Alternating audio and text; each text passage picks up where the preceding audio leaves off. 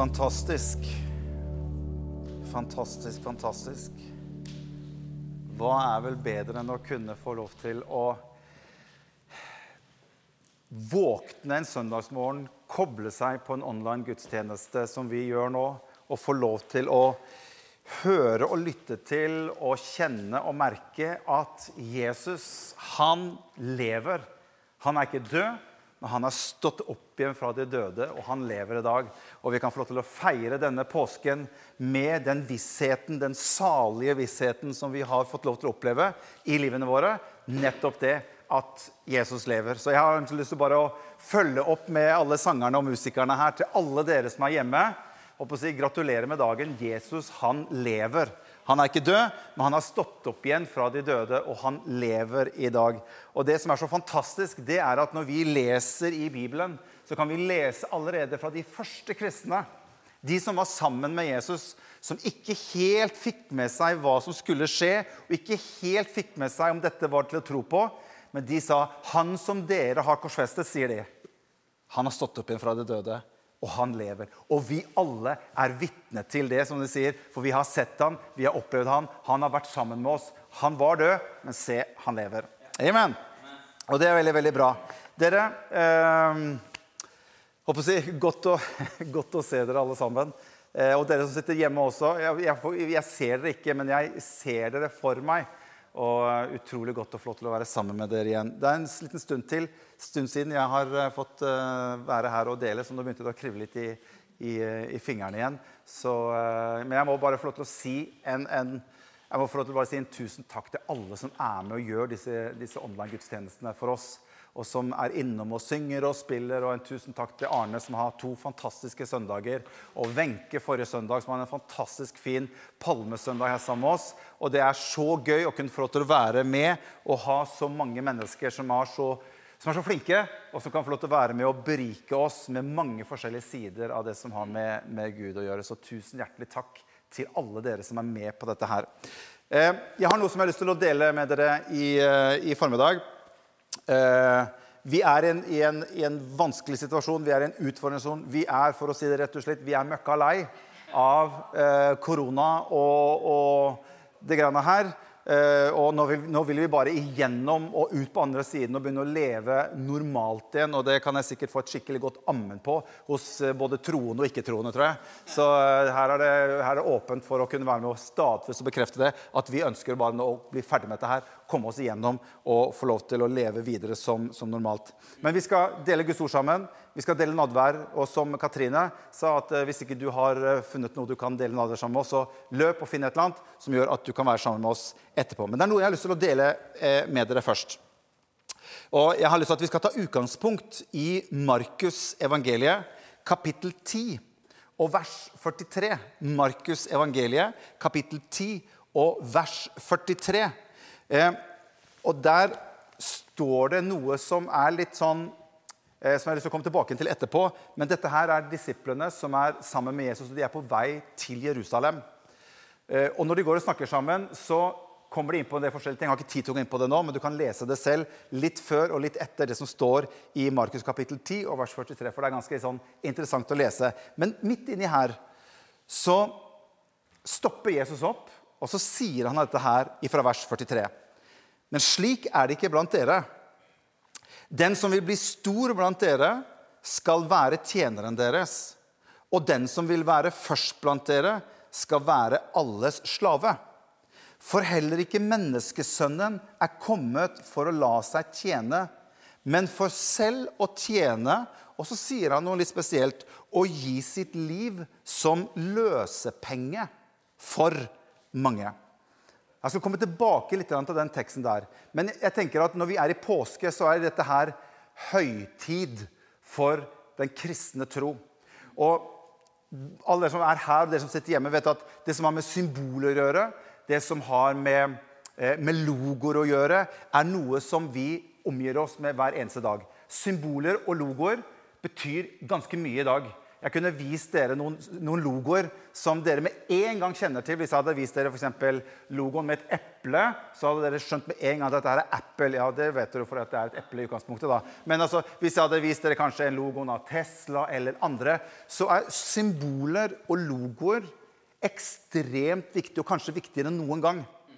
Og industrien bruker milliarder av kroner for å være med å bygge hva skal vi si, logoene sine, bygge symbolene sine, fordi at de sier noe om det du ser. Så når du ser en logo eller du ser et symbol, så med en gang så assosierer du noe med den logoen eller det symbolet som du ser. Og Sånn er det når du også går til den kristne tro. Så har vi også et symbol. Jeg vil kanskje kalle det mer et symbol enn en logo, men det er, kan jo også være en logo. Men korset er selve symbolet i den kristne tro. Så vårt, vårt symbol og vårt, vårt, logo, det er selve korset. Og jeg tror ikke at vi skal være beskjeden overfor det som har med korset å gjøre. For det er det som står sentralt. Det er selve midtpunktet i den troen vi står i. Det er ut ifra korset at alt på en måte finner sted. Og Paulus og flere ganger i Skriften så nevnes det litt at vi må, vi, må ikke, vi må, ikke, ta så lett på det som har med symbolet vårt å gjøre. Altså, vi må ikke ta så lett på det som korset betyr. Og derfor så, blant annet, så kan du se at Paulus han sier det i Galaterbrevet kapittel 6 og vers 14. Der sier han Men jeg vil aldri være stolt Hør hva Paulus sier her. Jeg vil aldri være stolt av noe annet enn vår Herre Jesu Kristi kors, sier Paulus. Så sier han, ved det er verden blitt korsfestet for meg, og jeg for verden. Og Jeg tror at vi aldri skal være beskjedne, vi skal aldri bli flaue over det symbolet som korset er, og hva det symboliserer. For det er selve utgangspunktet for vår tro. Det er på grunn av korset at Jesus beseiret dødens makt. Det er pga. korset at jeg kan få lov til å oppleve å få tilgivelse for min synd og for min skyld. Det er pga. korset at jeg kan få lov til å komme med frimodighet innenfor Gud og oppleve å stå innenfor Gud uten skyld og uten skam. Det er pga. korset. Det er pga. korset at det ikke fins lenger jøde eller greker eller slave eller trell eller mann eller kvinne. Man sier at vi har alle blitt ett i Jesus Kristus. Det er pga. korset. Det er pga. korset at ethvert menneske, uansett hvor det befinner seg på jorden, uansett hvilken omstendighet du har, uansett hvilken erfaring du har, uansett hva du har opplevd, hva som er din bakgrunn, uansett det er pga. korset at jeg kan få lov til å tro med mitt hjerte og bekjenne med munn at Jesus Kristus er Herre. Det er pga. korset. Og Derfor skal vi aldri være beskjeden av dette symbolet og aldri prøve å dekke det til eller pynte på det eller prøve å lage det til noe annet. Det kan kan få lov til å stå der som et symbol på at det er en pris som også er betalt for deg og meg. Det er korset. Vi må aldri dekke over det som har med korset å gjøre. og Derfor så skriver Paulus i 1. Korinterbrev kapittel 1 og vers 18. For ordet om korset, det er en dårskap for dem som går fortapt. Eller på, å si det på en annen måte, de som aldri så det, eller de som aldri ville ta imot det. For dem så ble det bare en dårskap, og de går fortapt. Men så står det Men for oss som blir frelst, så er det en Guds kraft. Det er det korset er for noe. Og Dere får bare ha meg unnskyldt for at jeg blir litt begeistra her på påskemorgen, men, men, det er noe i meg, og det står noe om at den kraft som reiste Kristus opp ifra de døde, det står at han bor i våre hjerter. Og jeg opplever det, at jeg har en tro på innsiden som er noe mer enn bare noe som jeg har funnet på meg selv, men det er en erfaring nettopp av dette korset som vi får lov til å sette preg på her første påskedag. Det er at Jesus han ble hengt på et kors, han ble lagt i en grav, men etter tre dager så bare står han opp igjen, og så er han dødens beseirer. Det er min frelser. Amen. Skal prøve, jeg, skal prøve, jeg skal prøve å gå litt inn i noe av det som jeg har lyst til å dele med deg. fordi at det er én side dette, dette, som har med kors å gjøre, dette som har med forsoning å gjøre, det er så stort. Og det har så mange fasetter og så mange sider og så mange lag. Og det, er, det, det, det, omgir seg så mye at hvis du skal gå inn og prøve å dekke alt i løpet av en 20 minutters tid, så, så er du Gud. Og det er ikke jeg. Så jeg har ikke, jeg har ikke sjans til å gjøre det. Men det er et lite aspekt som jeg har lyst til å dele med dere i dag. Fordi at det som er viktig for deg og meg å forstå, at når det gjelder korset, og det som skjer på korset, så har det veldig mye med Guds karakter å gjøre. Og det har veldig mye med din og min karakter å gjøre. Og det er veldig viktig for deg og meg å forstå at du og jeg vi slipper på en måte ikke unna når det gjelder hva som skjedde på Golgata kors. Det er ikke liksom ikke på utsiden av deg og meg. Det er ikke en happening som skjedde på utsiden av deg og meg. Du og jeg, vi er en stor del av det som skjer på korset. Og når Nytestamentet beskriver på en måte hva skal jeg si, det, det, fallet som skjedde ved deg og meg, ved Adam og Eva Det som skjer der, det er jo at synden kommer inn og skaper et mellomrom mellom Gud og menneske. Og Når du leser i Nytestamentet, så deler på en måte Nytestamentet grovt sett da, vår synd i tre typer kategorier. Og jeg vil bare du skal følge med, på, følge med på det. Jeg har ikke tid til å gå inn på hver enkelt. Men det er de tre kategoriene. For det første så kategoriserer Gud synden og oss som mennesker som fiendskap. Så du kan lese om fiendskap. At vårt kjød i et, står i et fiendskapsforhold til Gud. Det er det ene. Det andre som det definerer, det er at det er en overtredelse. Er det noen av dere som vet hva en overtredelse er? Vi bruker ikke det så veldig mye. Men det er egentlig når du går over streken. Altså du har gjort noe som per definisjon er galt. Det er en overtredelse. Og så er den tredje delen som Nytestamentet hva skal vi si, kategoriserer dette. Det er det som Bibelen kaller for skyld.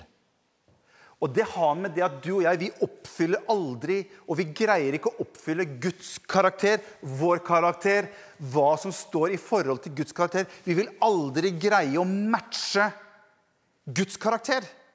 Derfor så kommer det skyld inn i bildet, og det er noe av det som jeg ønsker å dele bare litt med dere her. Jeg har bare lyst til å ta den delen som har med skyld, og så får vi ta eh, noen andre påsker hvis, eh, hvis ikke Vår Herre kommer igjen.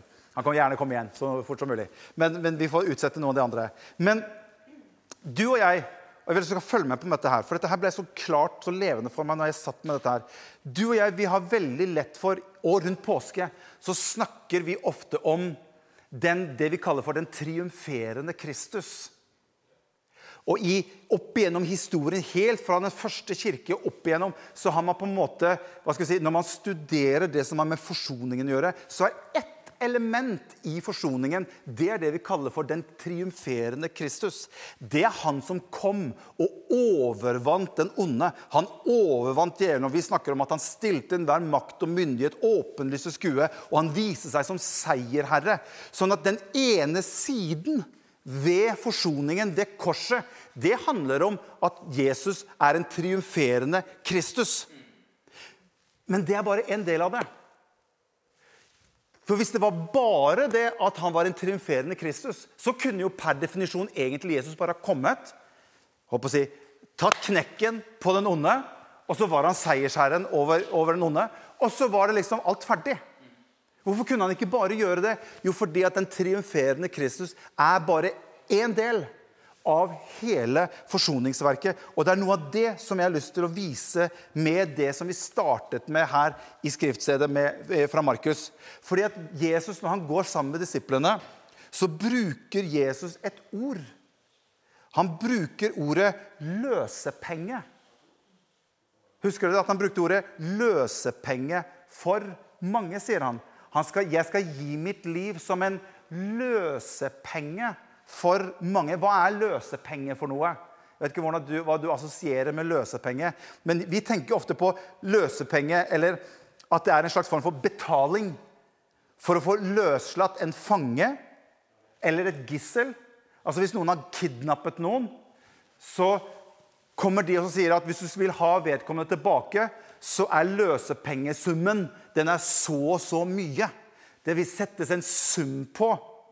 Så når Jesus snakker om at han har kommet for å gi sitt liv som en løsepenge, hva er det Jesus snakker om her? Her må det være noe mer enn at han bare liksom tar den ånde, tar knekken på han, og så er han seierherre. Hva er det som skjer, og hvorfor, hvordan fungerer disse tingene her opp i det som har med, dette som, med, med, med løsepenge? Eh, og det er noe av dette som jeg har lyst til å bare prøve å vise dere som en del av forsoningen som, eh, som Jesus eh, har gjort for oss. Henger dere med fortsatt? Er det bra?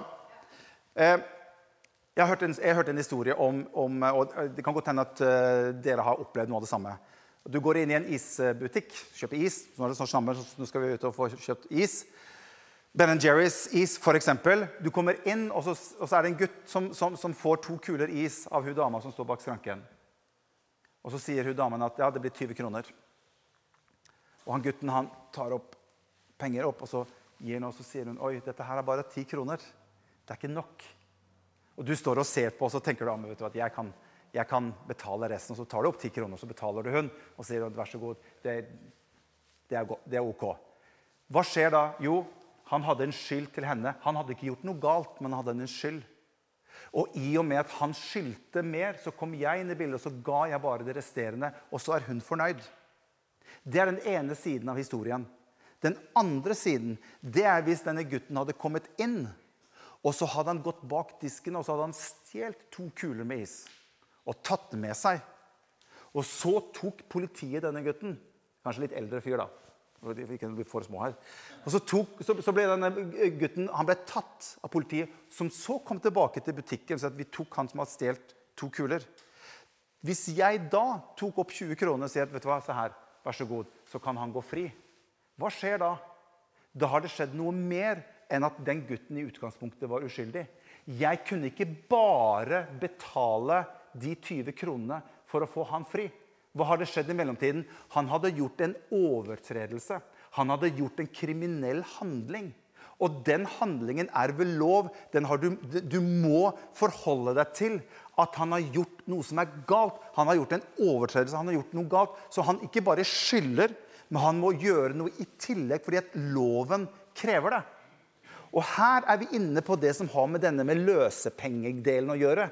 som er litt spennende. For Hvis du studerer kirkehistorie, så vil du se at det var to måter å tenke løsepengedelen på. Den ene varianten som han snakket om, det er at når Jesus sier at han har blitt en løsepenge for mange, det er at da så man for seg at Jesus betaler den onde en sum penger. I, altså billedlig sagt. Han betaler den onde fordi at på en måte Den onde er kidnapperen som har tatt menneskeheten. Og så har han kidnappet dem, og så sier Jesus at jeg skal betale en løsepenge til den onde. Og da frigir den onde oss som, hva skal vi si, som Jesus kjøper tilbake. Det er én variant, det er én teori. Jeg, dere kan tygge litt på den der hjemme ved, ved, når dere spiser lammesteken i dag. eller hva dere spiser for noe. Men, men jeg, jeg greier ikke å følge den teorien. Den andre teorien som jeg tror er mer riktig, det er at når Jesus sier han har en løsepenge for mange, det er at løsepengen her, det er ikke noe han betaler til den onde. For den onde har ingenting med oss å gjøre i utgangspunktet. Hvem er det Jesus betaler denne løsepengen til? Han betaler den til Gud. For det er Gud som er den fornærmede part oppi dette. Når vi vendte Gud ryggen, så ble det et skille mellom Gud og menneske.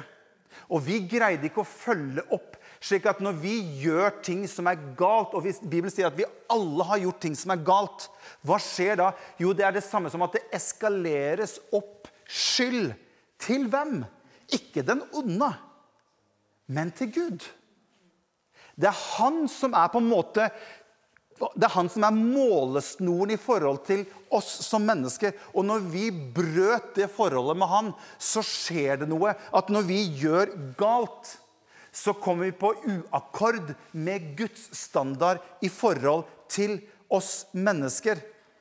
Og det er det som skjer oppimot dette når Jesus sier at 'jeg skal gi mitt liv som en løsepenge for Gud'. Det er at Jesus og Gud har aldri vært i en slags forhandling med den onde. Jesus forhandler ikke med den onde, men Jesus forhandlet med sin far. For det var, oppe, det, var, det var, eskalert en skyld på menneskets vegne.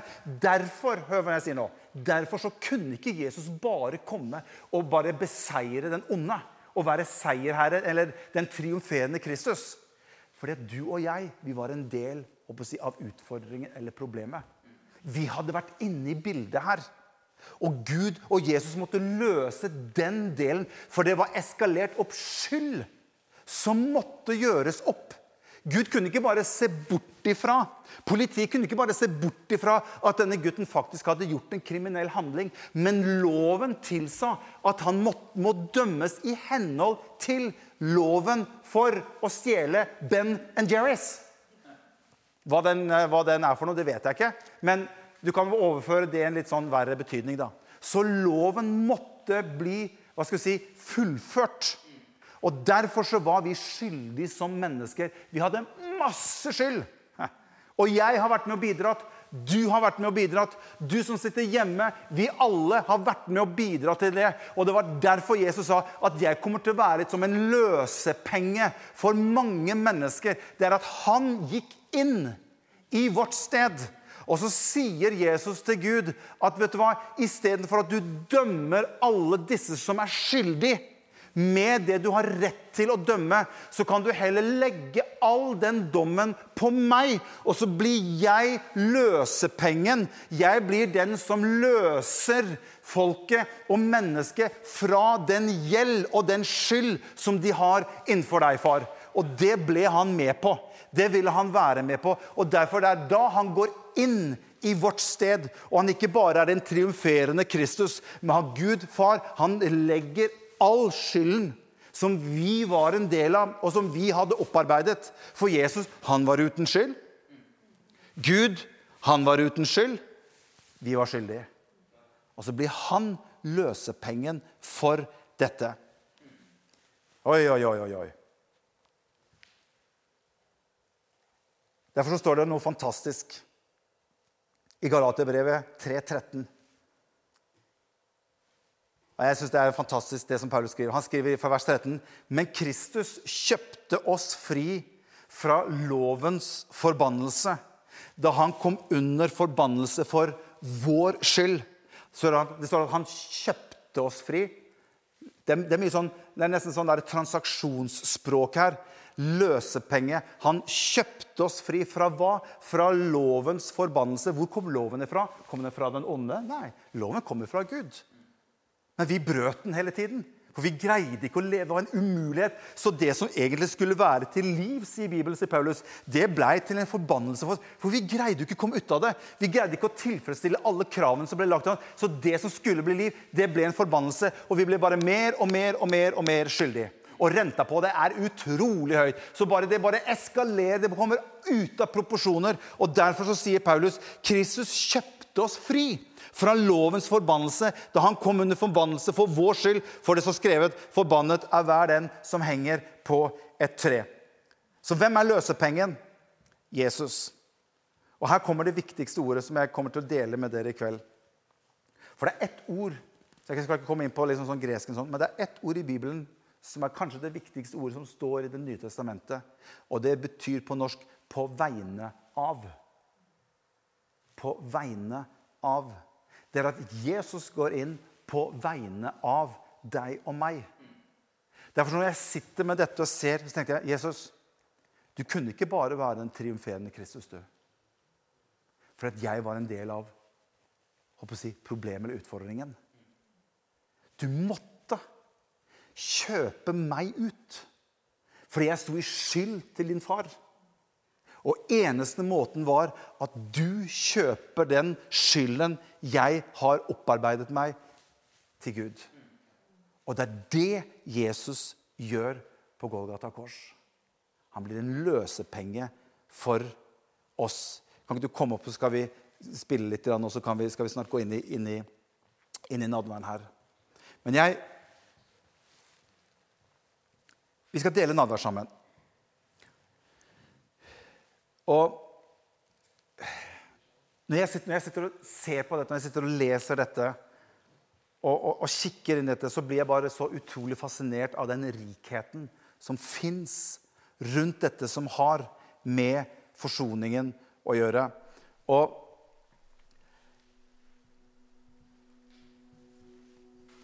når jeg ser at min skyld er direkte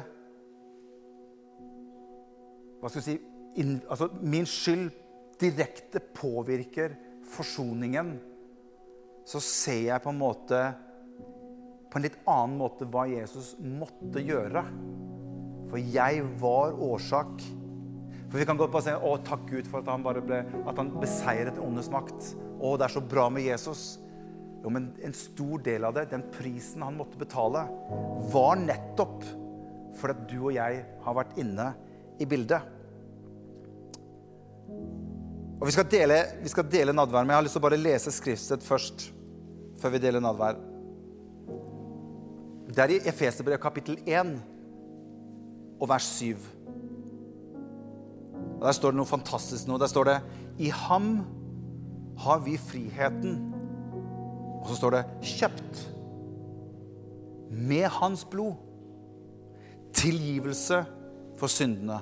Så rik er Guds nåde, som han har latt strømme over oss med all visdom og forstand, da han kunngjorde for oss sin viljes mysterium det han gjerne ville gjøre i ham. Han ville fullføre sin frelsesplan i tidens fylde. Og står det å sammenfatte alt i Kristus. Alt i himmel og på jord i ham. Og når jeg leser sånn som dette her, når jeg tenker på en måte hva som skjer, så noen ganger så er det noen som prøver liksom å, å, å få det til at far i himmelen han er en sånn sint Gud som har så mye vrede fordi at, fordi at mennesket har gjort så mye galt, og det er så mye synd, og det er så mye, og så han må på en måte bare få ut liksom all hva skal jeg si, sinne og, og nesten sånn hat mot mennesket. Og nesten, det virker som han er nesten i ferd med liksom å slå mennesket ned. Og i, liksom, i siste sekund så kommer liksom, kaster Jesus seg inn og liksom Slå meg istedenfor, liksom. Men det er ikke ut ifra det Gud gjør det. For i min bibel så skriver Johannes at for så høyt har Gud elsket verden. Det er alltid det som har vært drivkraften fra Guds side. Det at han elsket deg som hadde kommet i skyld. Han elsket meg som var kommet i en så stor skyld, til han. For så høyt har han elsket oss at han ga sin egen sønn som en løsepenge for at den skyld vi hadde opparbeidet seg, kunne bli tatt vekk, slik at jeg på nytt igjen kan få lov til å komme inn for han. Og min skyld er betalt, og min synd er borte.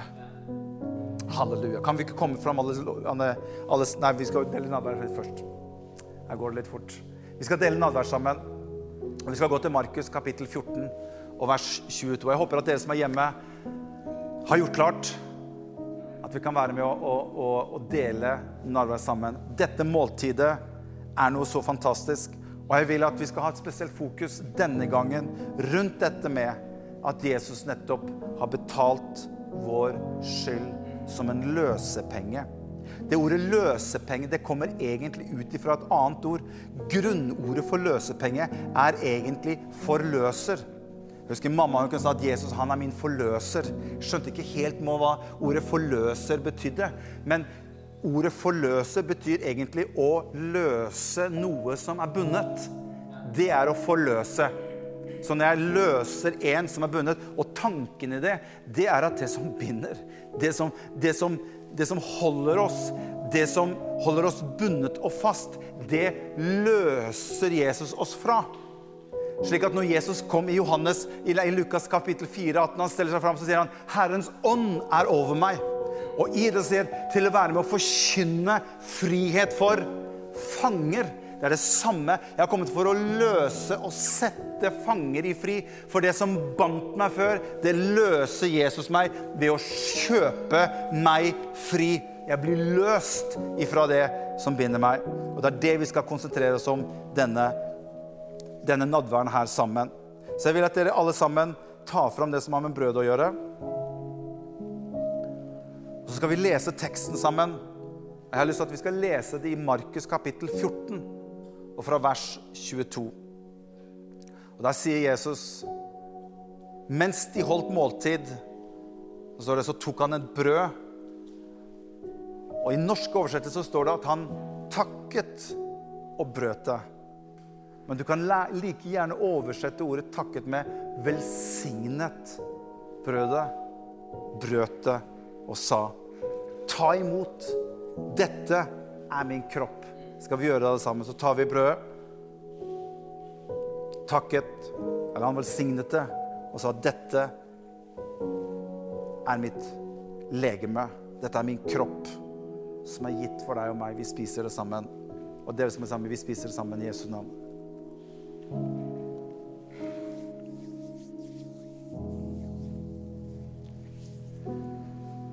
Fantastiske Jesus. Å vite at jeg kan få lov til å ta del i et måltid som han innstifter. Fordi han tok initiativet til å ta min skyld. Det er bare Jesus som kan gjøre sånt noe. Det er bare evangeliet som kan gjøre det. Og så står det etterpå så tok han et beger, og så står det 'velsignet det'. Ga dem, og så står de drakk alle av det'. Vi drikker sammen i Jesu navn.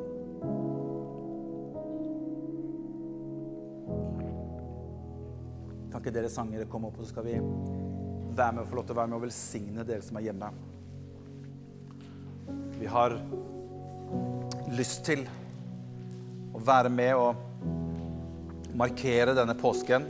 Og Det er nettopp derfor jeg har lagt inn det ordet 'velsigne' istedenfor å takke. For vi ønsker å være med å synge en velsignelse til dere som sitter hjemme, ut ifra at Jesus har gjort alt klart. Han har gjort alt ferdig for oss. Og vi kan få lov til å be denne, eller synge denne velsignelsen for dere. Så om du vil, om du tør, om du er alene og du er sammen med noen, og dere har lyst til å bare reise dere hjemme, så gjør gjerne det. Og ta del, så skal vi synge litt sammen, alle sammen. Vi synger.